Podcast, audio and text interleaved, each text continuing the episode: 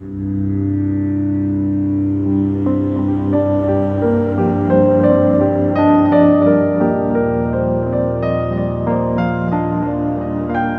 in de BDSM-wereld is daten met hindernissen. Want naast die befaamde klik tussen twee mensen moet er meer zijn. Dat ene belangrijke element, dat wat jullie bindt in BDSM.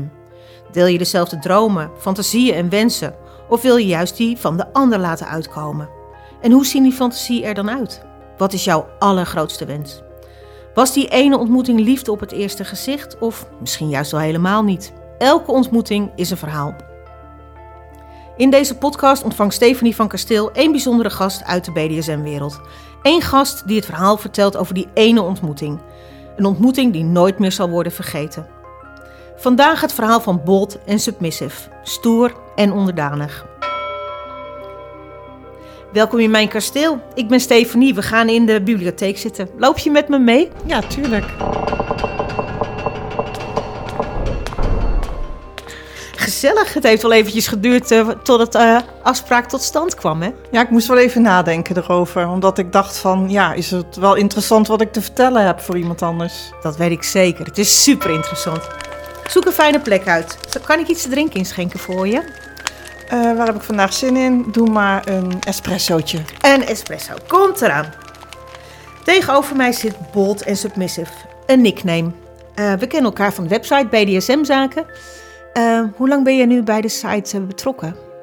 Ja, dat is al ruim anderhalf jaar inmiddels. Ja? is nog maar kort, maar... Ja, nog maar kort. Ander, ruim anderhalf jaar. Ja. En hoe ben je daar zo terecht gekomen? Ik had een uh, vanilla-relatie en um, ja, daar zat niet zoveel pit in. En ik miste gewoon het een en het ander. En ik ben eigenlijk gewoon op zoek gegaan naar wat er nou eigenlijk aan ontbrak. En um, ja, dan kom je op internet terecht en dan ga je zoeken. En toen ben ik uh, bij BDSM-zaken uitgekomen en ik dacht, ja, hier hoor ik wel thuis. Ja? Ja. En wat, wat maakt het dat je thuis voelt? Voor mij is het de laagdrempeligheid. Um, de, de, duidelijke site voor mij, dat ik daar kan vinden wat ik zoek. Um, contact met anderen. Het is uh, toegankelijk. Voor mij is dat heel prettig. En het is Nederlandstalig, vind ik ook gewoon fijn. Ja, ja snap ik. hey, en um, heb je eigenlijk al gevonden wat je zoekt? Momenteel niet. Nee? Nee. Waar zoek je precies naar? Een dominante man.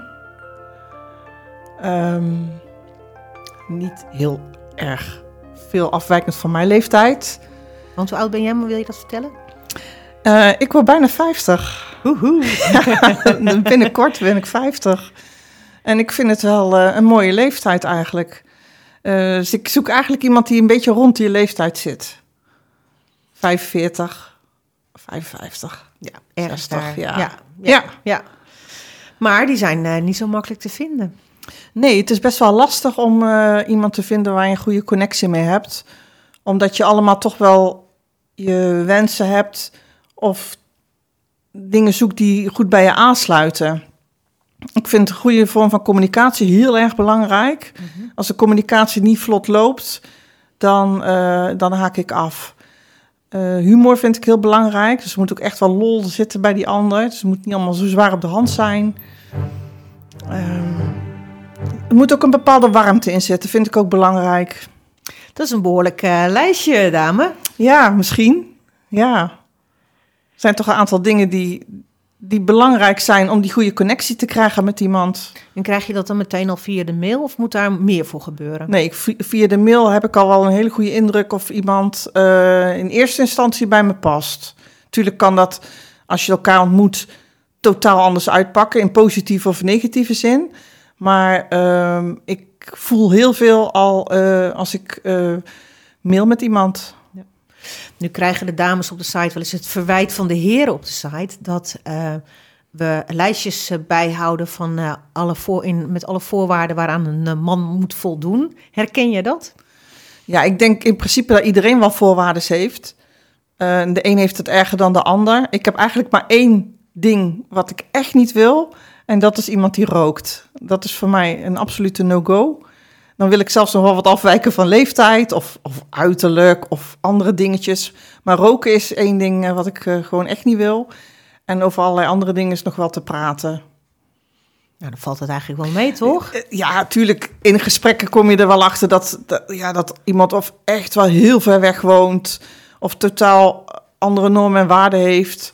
Ja, dan wordt het ook misschien wel lastig. Maar als iemand rookt, hoef ik het gesprek nog niet eens aan te gaan. Dan is het voor mij al gelijk een nee. Heb je het idee dat naarmate je ouder wordt, je eh, wensen veranderen? Ja, Ja? ja.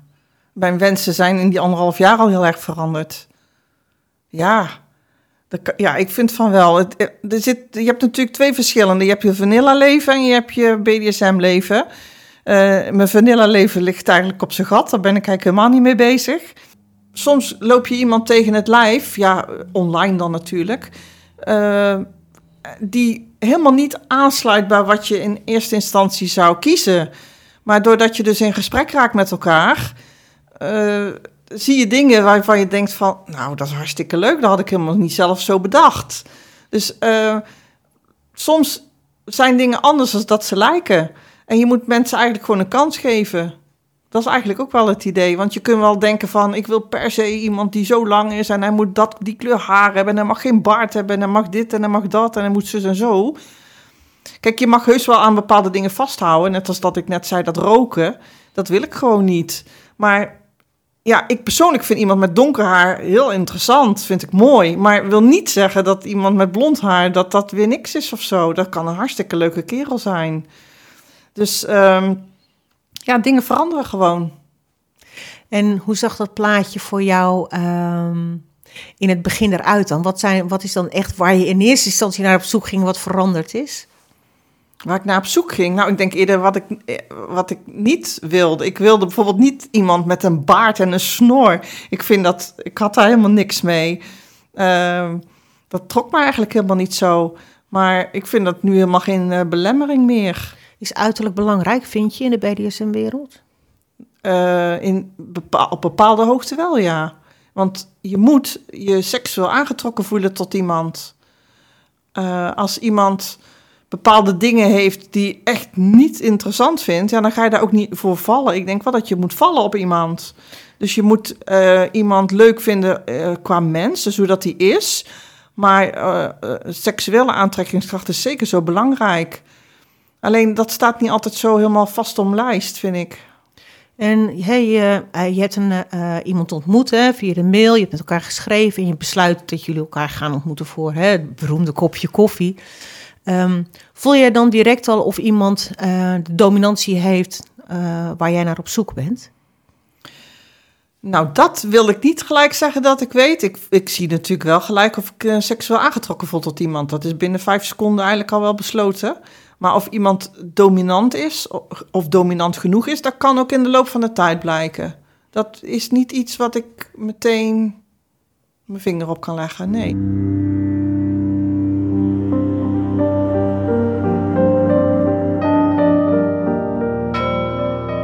Eh, maar ik denk dat het heel lastig is als je een BDSM-partner hebt, om dan ook nog een vanilla-partner daarnaast te zoeken voor, voor de, dagelijkse relatie, zeg maar, om het zo maar te zeggen. Ik denk niet dat, ik denk niet dat het makkelijk is om daar een man bij te vinden die, dat, die daar akkoord mee gaat, dat je één keer in de zoveel tijd met een dominant afspreekt.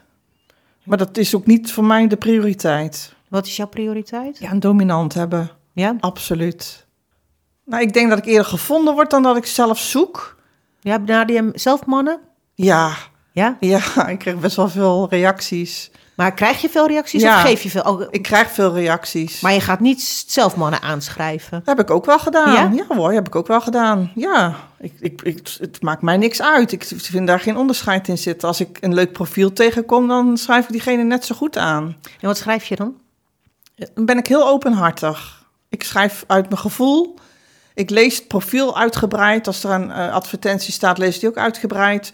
En ik ga er heel serieus op in. En ik lees, eh, ja, wat ik, ja, hoe zal ik het zeggen? Ehm, ik ga in mijn mail naar die persoon, ga ik wel terug naar wat ik gelezen heb. Dus dan haak ik in op de dingen die hij geschreven heeft. Van, ja, of dat dan bepaalde interesses zijn, of, of waar, waar hij tegen aangelopen is, of ervaringen die hij heeft opgedaan. Daar haak ik wel op in. En wat voor reacties krijg je dan terug? Eh, nou, heel uitzonderlijk krijg je nooit een reactie terug. Dat komt wel eens voor dat iemand geen reactie terugstuurt. Maar over het algemeen krijg ik hele leuke reacties terug. Ik mag niet klagen. Ik heb echt wel ontzettend veel mailcontact gehad. Hele mooie mails gekregen. Hele fijne mails gekregen. Ook wel mails die ja, op niks uitlopen, waar, waarvan ik denk, nou, wat moet ik daar nou weer mee? Maar over het algemeen ben ik heel dankbaar voor de mooie mails die ik tot nu toe gekregen heb. Oh, dat is leuk Ja, zeg. ja. En, ehm, en ontmoetingen, hoe kijk je daarop terug? Ga je als met mensen op date? uitzonderlijk. Oh ja. Ja. Meestal eh, moet ik zeggen, wordt het, meestal wordt het contact al wel verbroken voordat de ontmoeting plaatsvindt. En waar ligt dat dan aan? Dat ik niet zeker van mijn zaak ben. Als ik het in mijn onderbuik niet goed voel, dan doe ik het niet. Dat kan allerlei dingen hebben. Dat ik, dat ik het niet veilig voel, of dat ik denk van je bent niet oprecht, of het sluit niet aan bij wat ik graag wil. Het voelt niet goed gewoon. Er zit iets wat dan niet eh, oké is. En dan is die persoon niet slecht of zo, maar het past niet bij mij. Ja. En dat, ik, ben, ik ben heel erg op het gevoel. Eh, ik moet echt daar een gevoel bij hebben van, ja, jou wil ik graag ontmoeten. Ik heb één dominant gehad en daar ben ik, daar ben ik gelijk mee in zee gegaan. En daarna, nou, dat zijn er niet, die, die kan ik op één hand tellen hoor. Er zijn er echt niet zoveel geweest. Welke, welke date heeft op jou het meeste indruk gemaakt? In positieve of negatieve zin? Ja, mijn eerste dominant. Ja? Ja. En die heb je ook ontmoet via BDSM-zaken? Ja. En hoe lang zijn jullie samen geweest? ja, in principe nog geen half jaar. Oh, dat is wel kort. Dat is ja, wel dat was heel kort. Ja. Ja. Waarom is, het, waarom is het overgegaan dan? Ja, dat is een heel lang verhaal. En dat is een pijnlijk verhaal. Dus dat vind ik niet nodig om te delen. Nee, snap ik. Ligt heel gevoelig. Heb Ja. ik heel veel verdriet van gehad. Mhm. En het zit er nog wel eens te wringen. Eh, dat is niet leuk geweest. Maar je bent nu, staat wel weer open voor een nieuw contact, begrijp ik. Ja, maar ja, daar sta ik zeker. Maar het moet gewoon goed voelen. Ja. Dus je bent wel wat, je bent aan het zoeken, maar wel heel voorzichtig. Ja, ik ben wel eh, veel voorzichtiger geworden. Want ik, ik heb mijn hart één keer geheven nu en er is wel heel veel gebroken. En allerlei stukjes lag die. Eh, en die is nu wel weer bij elkaar gelijmd. Maar ehm, ik moet me echt he- helemaal goed voelen. eh, wil ik me zo weer geven aan iemand. En dan nog gaat het wel eens fout. Ja. En hoe heb je dat weer aan elkaar kunnen lijmen, die stukjes? Tijd. Heeft tijd nodig. En heb, had je wel mensen in je omgeving Ja. waar je ermee kon, over kon praten? Ik heb een aantal hele lieve mensen ontmoet eh, op BDSM-zaken die mij enorm goed geholpen hebben. Vrienden voor het leven, waar ik heel dankbaar voor ben. Diegene weten wel waar, over wie het gaat. Echt heel waardevol. Ja, Is dat ook een voordeel van de site? Dat je ook, absoluut. want het is wat meer dan, dan een dating site. Voor mij is het nu veel meer dan een dating site. Het is voor mij niet in eerste instantie een dating site. Ik heb daar hele fijne mensen ontmoet. eh, die heel waardevol voor mij gebleken zijn. Vrienden voor het leven. En daar heb ik gewoon heel vaak contact mee. Ook als het leuk gaat, gewoon als het goed gaat. Maar die hebben me enorm geholpen in een tijd dat ik het heel erg nodig had. En dat waren toen ook eigenlijk vreemden voor mij. Dus het is zo mooi waar die site voor staat. Vooral het, het menselijke contact. Ja, dat is fantastisch. Je voelt je op de site dus wel heel veilig. Ja, heel erg. Wat grappig is dat. Ja, Terwijl het eigenlijk alleen maar geschreven tekst is. ja maar daar voel ik, ik voel. Dus ik voel gewoon of het goed is of niet.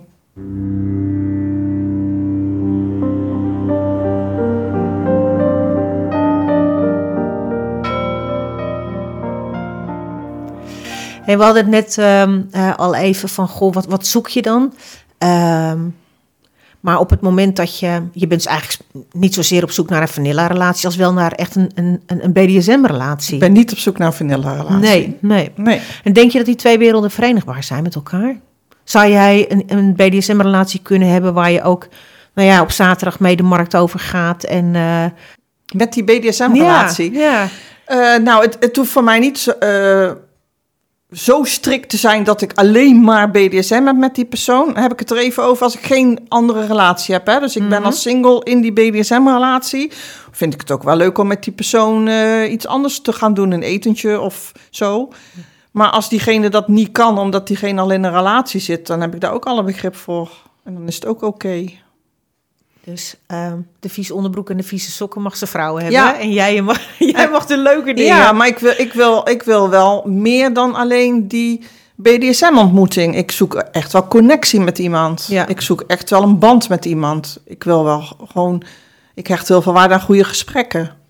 Ja, maar ik denk, is dat niet ook de basis van, van BDSM? Voor mij wel. Ja. En dat is vaak wat er wel eens aan ontbreekt. Dat, dat anderen wel eens daar niet zo serieus mee omgaan en denken van het is een leuk verzetje. En dat is het eigenlijk niet. Het is het wel, maar het is, het is iets wat in je hart zit en in je lijf zit. Dus het moet gewoon, je moet gewoon goed met elkaar om willen gaan. Ja. Dat is de basis. Ja, de, het mens-tot-mens contact is nummer één. Daar gaat het om. Als, als dat goed zit, kun je verder praten. Als je elkaar niet helemaal ligt of het klikt niet helemaal, dan ga je nooit daar een BDSM-relatie mee krijgen. Nee, want een BDSM-relatie gaat dus voor jou wel wat verder dan een eenmalig spelcontact. Dat is, of- niet, dat is niet mijn intentie, nee, een eenmalig spelcontact. Ik heb ze wel gehad, eh, maar niet bij voorbaat van, oh, ik ga het met jou maar één keer doen en dus daarna is het klaar. Nee, dan, dan loopt het gewoon niet. Of dan zijn er dingen die niet aansluiten. Mm, Hoe kijk je daarop terug, op die eenmalige ontmoetingen? Ja, daar heb ik ook geen goede gevoelens bij. Nee, dat is niet mijn ding. Nee. Nee, ik ga liever voor een langdurig iets. En ehm, hoe komt het dan ehm, dat dat zo lastig te vinden is? Want er zijn zoveel mensen die zich ermee bezighouden. Ja, dat is een hele goede vraag. Ik denk, ik denk zelf dat, dat er best wel wat mannen zijn die, zodra het serieus gaat worden, dat ze zich terugtrekken. Dat gevoel heb ik. Dan hebben ze of hun relatie niet verwerkt, of, of ze krijgen het toch niet goed eh, rondgebreid met hun thuissituatie. Of ze gaan te veel gevoelens voor een sub krijgen, waardoor ze thuis in de knoop raken met hun eigen partner. Eh, en dat, dat zijn allemaal hele begrijpelijke dingen, want het vergt nogal wat om een, een subrelatie te onderhouden. En ik zeg dat verkeerd, om een eh, DS-relatie te onderhouden. Dat is best wel heel intensief en je vraagt heel veel van elkaar. Eh, en als je thuis een partner hebt die, eh, waar je alleen een vanilla-relatie mee hebt, waar je dus niet alles mee deelt, maar wel met die sub, ja, dan komen de gevoelens los die, die relatie is veel heftiger dan, dan de relatie die je dan thuis hebt. Want die persoon, die begrijpt dat misschien niet allemaal goed. Het gaat heel diep, het is heel intens. En dat kan fout gaan. Ja. En dat snap ik ook wel. Ja, het is inderdaad hè, dat spelen met, met macht en onmacht, wat natuurlijk ook in de, in de eh, in potentie gewoon heel gevaarlijk kan zijn. Hè? Je kan ook elkaar overvragen daarin. Nou ja, je legt daar heel je ziel en zaligheid in. En je kunt van tevoren wel zeggen van we houden het. eh, ja, zakelijk is niet het juiste woord. Maar Licht- we houden het. eh, ja, laat ik het zo zeggen. Je kunt niet voorspellen hoe dat je gevoel, welke kant dat het opgaat. Er komt, als je een goede DS hebt, komt daar zoveel liefde bij kijken. Zo'n intens gevoel. eh, dat dat ook beangstigend kan zijn. En dan eh, kom je in de knoop misschien als je niet vrijgezel bent. Ja, het is gewoon wel, het is echt wel heel ingewikkeld. Dus ik denk dat er zijn natuurlijk heel veel mensen eh, op de site eh, die al in een relatie zitten en die denken ik doe dat er even bij. Maar dat is niet ik doe het er even bij. Daar komt echt heel veel bij kijken. Ehm, is een BDSM-relatie intenser dan een gewone vanilla-relatie? Ja, voor mijn gevoel wel. Ja. Nou moet ik ook eerlijk bekennen, ik heb wel langdurige vanilla-relaties gehad, maar die zijn eigenlijk nooit zo intens geweest. Zeker niet op seksueel gebied. Maar eh, die ene BDSM-relatie die ik heb gehad, ja, die was voor mij zoveel meer intens dan de gewone vanilla-relaties die ik heb gehad. Ja, veel contact hebben met elkaar, opdrachten die je krijgt, de verbondenheid die je voelt. het feit dat de ander jou zo goed voelt en zo begrijpt. En dat je samen hetzelfde bent en doet. Dat je dat gewoon niet bij iemand anders vindt. Dus dat je, dat je bereid bent om, je, om, om dat aan die ene persoon te geven. Ja, dat is een, een hele intense vorm van, van, van vertrouwen en uh, liefde.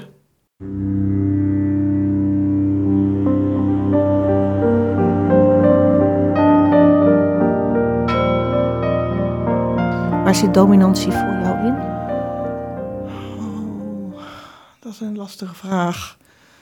Dat kan in hele kleine dingen zijn, een blik.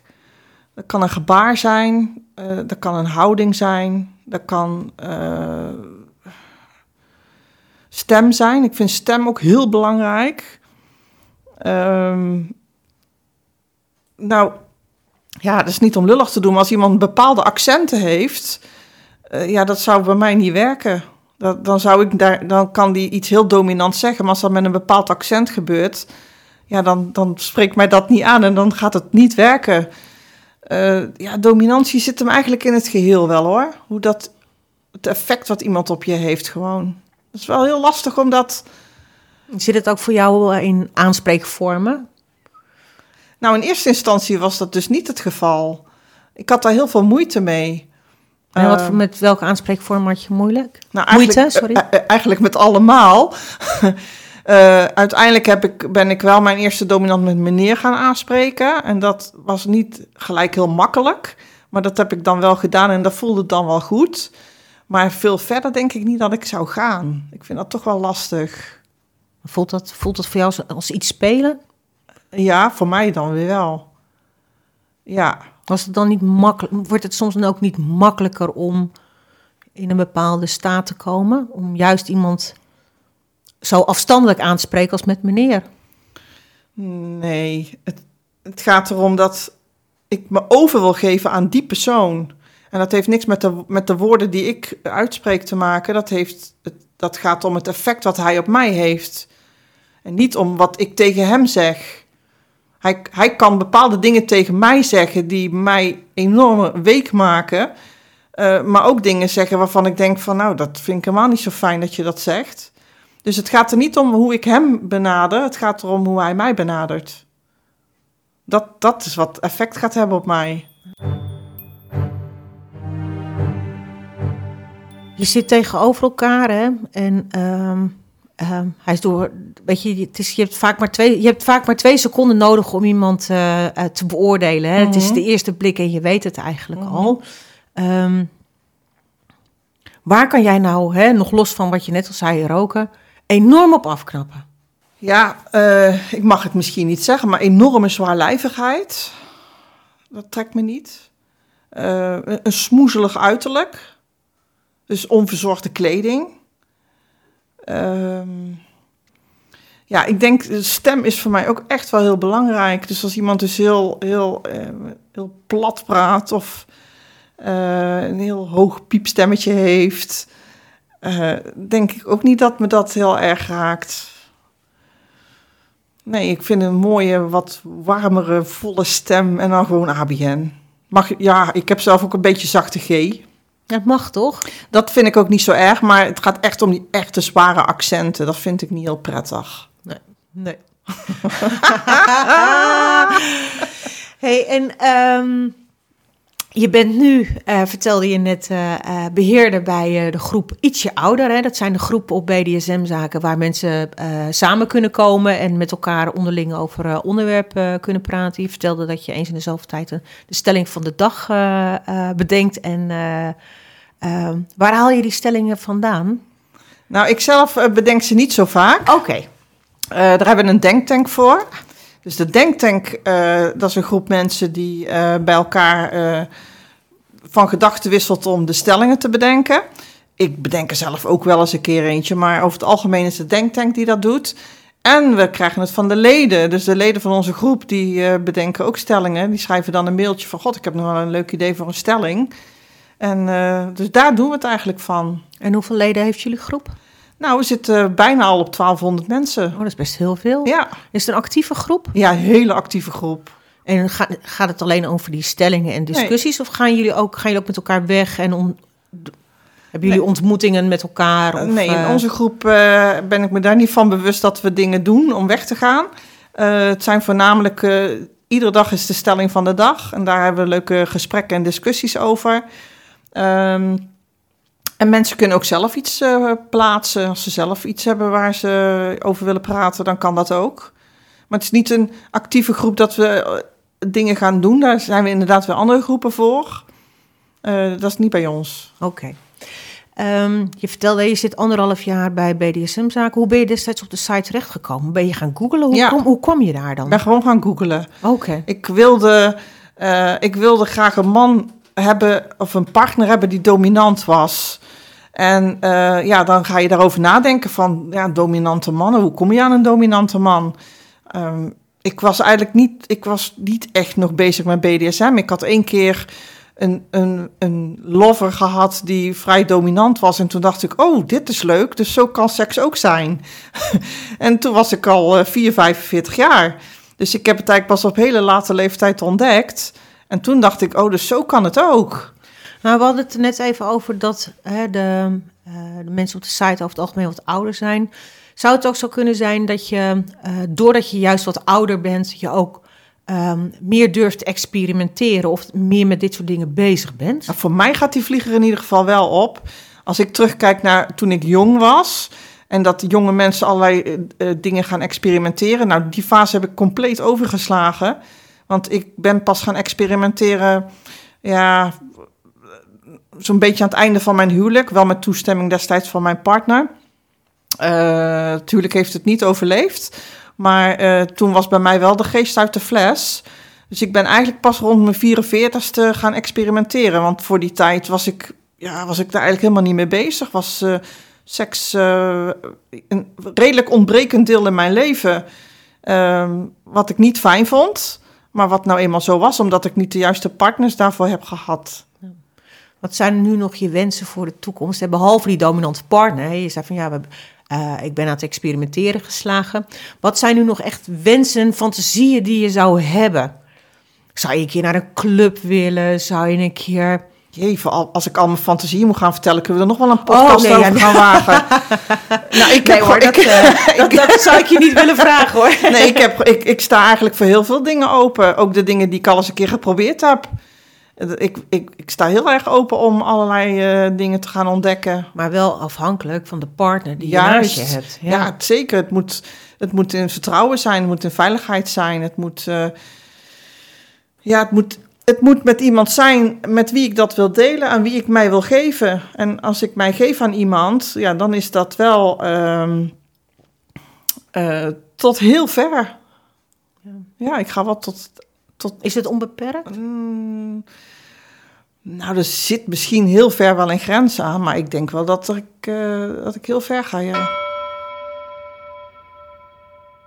Voor mij geldt het in ieder geval wel. Voor mij zijn de, de vanilla-relaties die ik tot nu toe heb gehad, zijn allemaal heel oppervlakkig geweest, ook op seksueel gebied. Het raakte mij totaal niet. Is helemaal niet bij mij binnengekomen. Zou dat ook de reden zijn waarom je zoveel verdriet hebt gehad van, Ja. van het verlies van je eerste eh, Ja. dominant? Ja, ja dat, was, eh, dat heeft er heel erg ingehakt. Ja, dat is. Ja, dat was de eerste waar ik me totaal aan heb overgegeven. En waar de weg helemaal vrij was en een mooie toekomst in het verschiet lag. Zou je dat nog een keer willen, denk je? Zou je dat aankunnen? Eh, ik wil dat heel graag. Eh, maar ik, ik tel nu wel tot tien voor ik zeker weet dat die persoon mij helemaal gaat krijgen. Ja, dat klinkt heel raar wat ik nu zeg. Maar ehm, je geeft nogal wat hoor. En ehm, ja, omdat het dus zo intens is en zo diep. En ik heb zoveel vertrouwen gehad in die persoon. Eh, en uiteindelijk sta je met lege handen. Ja, dat is heel pijnlijk. En stel dat hij morgen op de stoep staat en zegt: Ik ben er voor je, 100%. Wat doe je dan? Daar geef ik nu geen antwoord op. Daar kan ik geen antwoord op geven. Waarschijnlijk, nee, daar ga ik niks over zeggen. Moeilijk, hè? Ik moet mezelf in bescherming nemen. Ja, moeilijk. Nee, ik snap wat je zegt. Ja. Stel, er komt nu vandaag ehm, eh, en eh, een jonge vrouw eh, op de site en die zet haar eerste voetstappen in deze wereld. Wat zou je haar willen meegeven? Probeer onbevangen te zijn. Ik, ik heb dat zelf heel erg gedaan. Ik heb, ik heb best wel wat dingen al gedaan. Achteraf denk ik, was dat allemaal wel zo slim geweest? Ehm, ik zeg dan toch ja, want ik heb hele leuke dingen meegemaakt. Die ik anders niet had meegemaakt. Dus je moet jezelf openstellen en uh, er soms gewoon voor gaan. En als er zich een kans voordoet, ja, pak die dan met beide handen aan. Uiteraard kan het ook fout gaan. Ik heb geluk, bij mij is er nooit iets fout gegaan in dat opzicht van dat ik. Uh... Heb je, de, heb je er soms wat minder goede ervaringen nodig om uh, de positieve nog beter te zien? Dat is een hele goede vraag. Ik denk dat dat zeker waar is. Ik denk dat je hart gewoon wel een keer gebroken moet worden om te zien. Uh, als altijd alles mee zit, dan is dat jouw gewoon, hè? Uh, terwijl het is niet altijd roze geur en maneschijn. Er gebeuren, je wordt op je hart getrapt, je wordt gekwetst, je wordt in de steek gelaten, je krijgt verdriet. Uh, en het loopt niet altijd zoals je wenst dat het, dat het gaat. Het is, het is gewoon een hele moeilijke weg, uh, BDSM. Het is, je, je, als je er eenmaal in zit, zit je er ook echt helemaal in. En als je dan ineens zonder komt te staan, dan ben je ineens stuurloos. Dat is heel raar. Je bent stuurloos. Dat is wat me heel erg opgevallen is. Maar ik denk wel dat je het aan moet gaan. Je moet wel uh, risico nemen en je moet, je moet wel ervoor gaan. Hoe zie je dat stuurloosheid? Nou, omdat je een, een dominant is toch jouw uh, veilige haven. En die leidt jou uh, op dat avontuur. Die neemt jou mee op avontuur. En zodra zo'n avontuur in één keer stopt, dat kan om allerlei redenen zijn natuurlijk, hè. Ja, dan ben je als sub, vind ik, stuurloos. En zeker als dat onverwachts gebeurt. Dan je je vertrouwen aan die persoon gegeven en er is een bepaalde uh, weg die je volgt. En als dat dan in één keer stopt, ja, dat is best wel heel zwaar. Zou het ook niet de verantwoordelijkheid zijn van een dominant dan om daar ook wat nazorg ja, natuurlijk, absoluut. Ja. Want Zeker. nu heb je de nazorg op de website gezocht. Hè? Ja, bij andere mensen. Ja. Ja, en die heb ik gelukkig gekregen. Ik heb heel goede hulp gehad. Maar um, zeker is een dominant daar verantwoordelijk voor. Je, je, ja, je kunt niet zomaar ineens kappen ermee. Kan niet.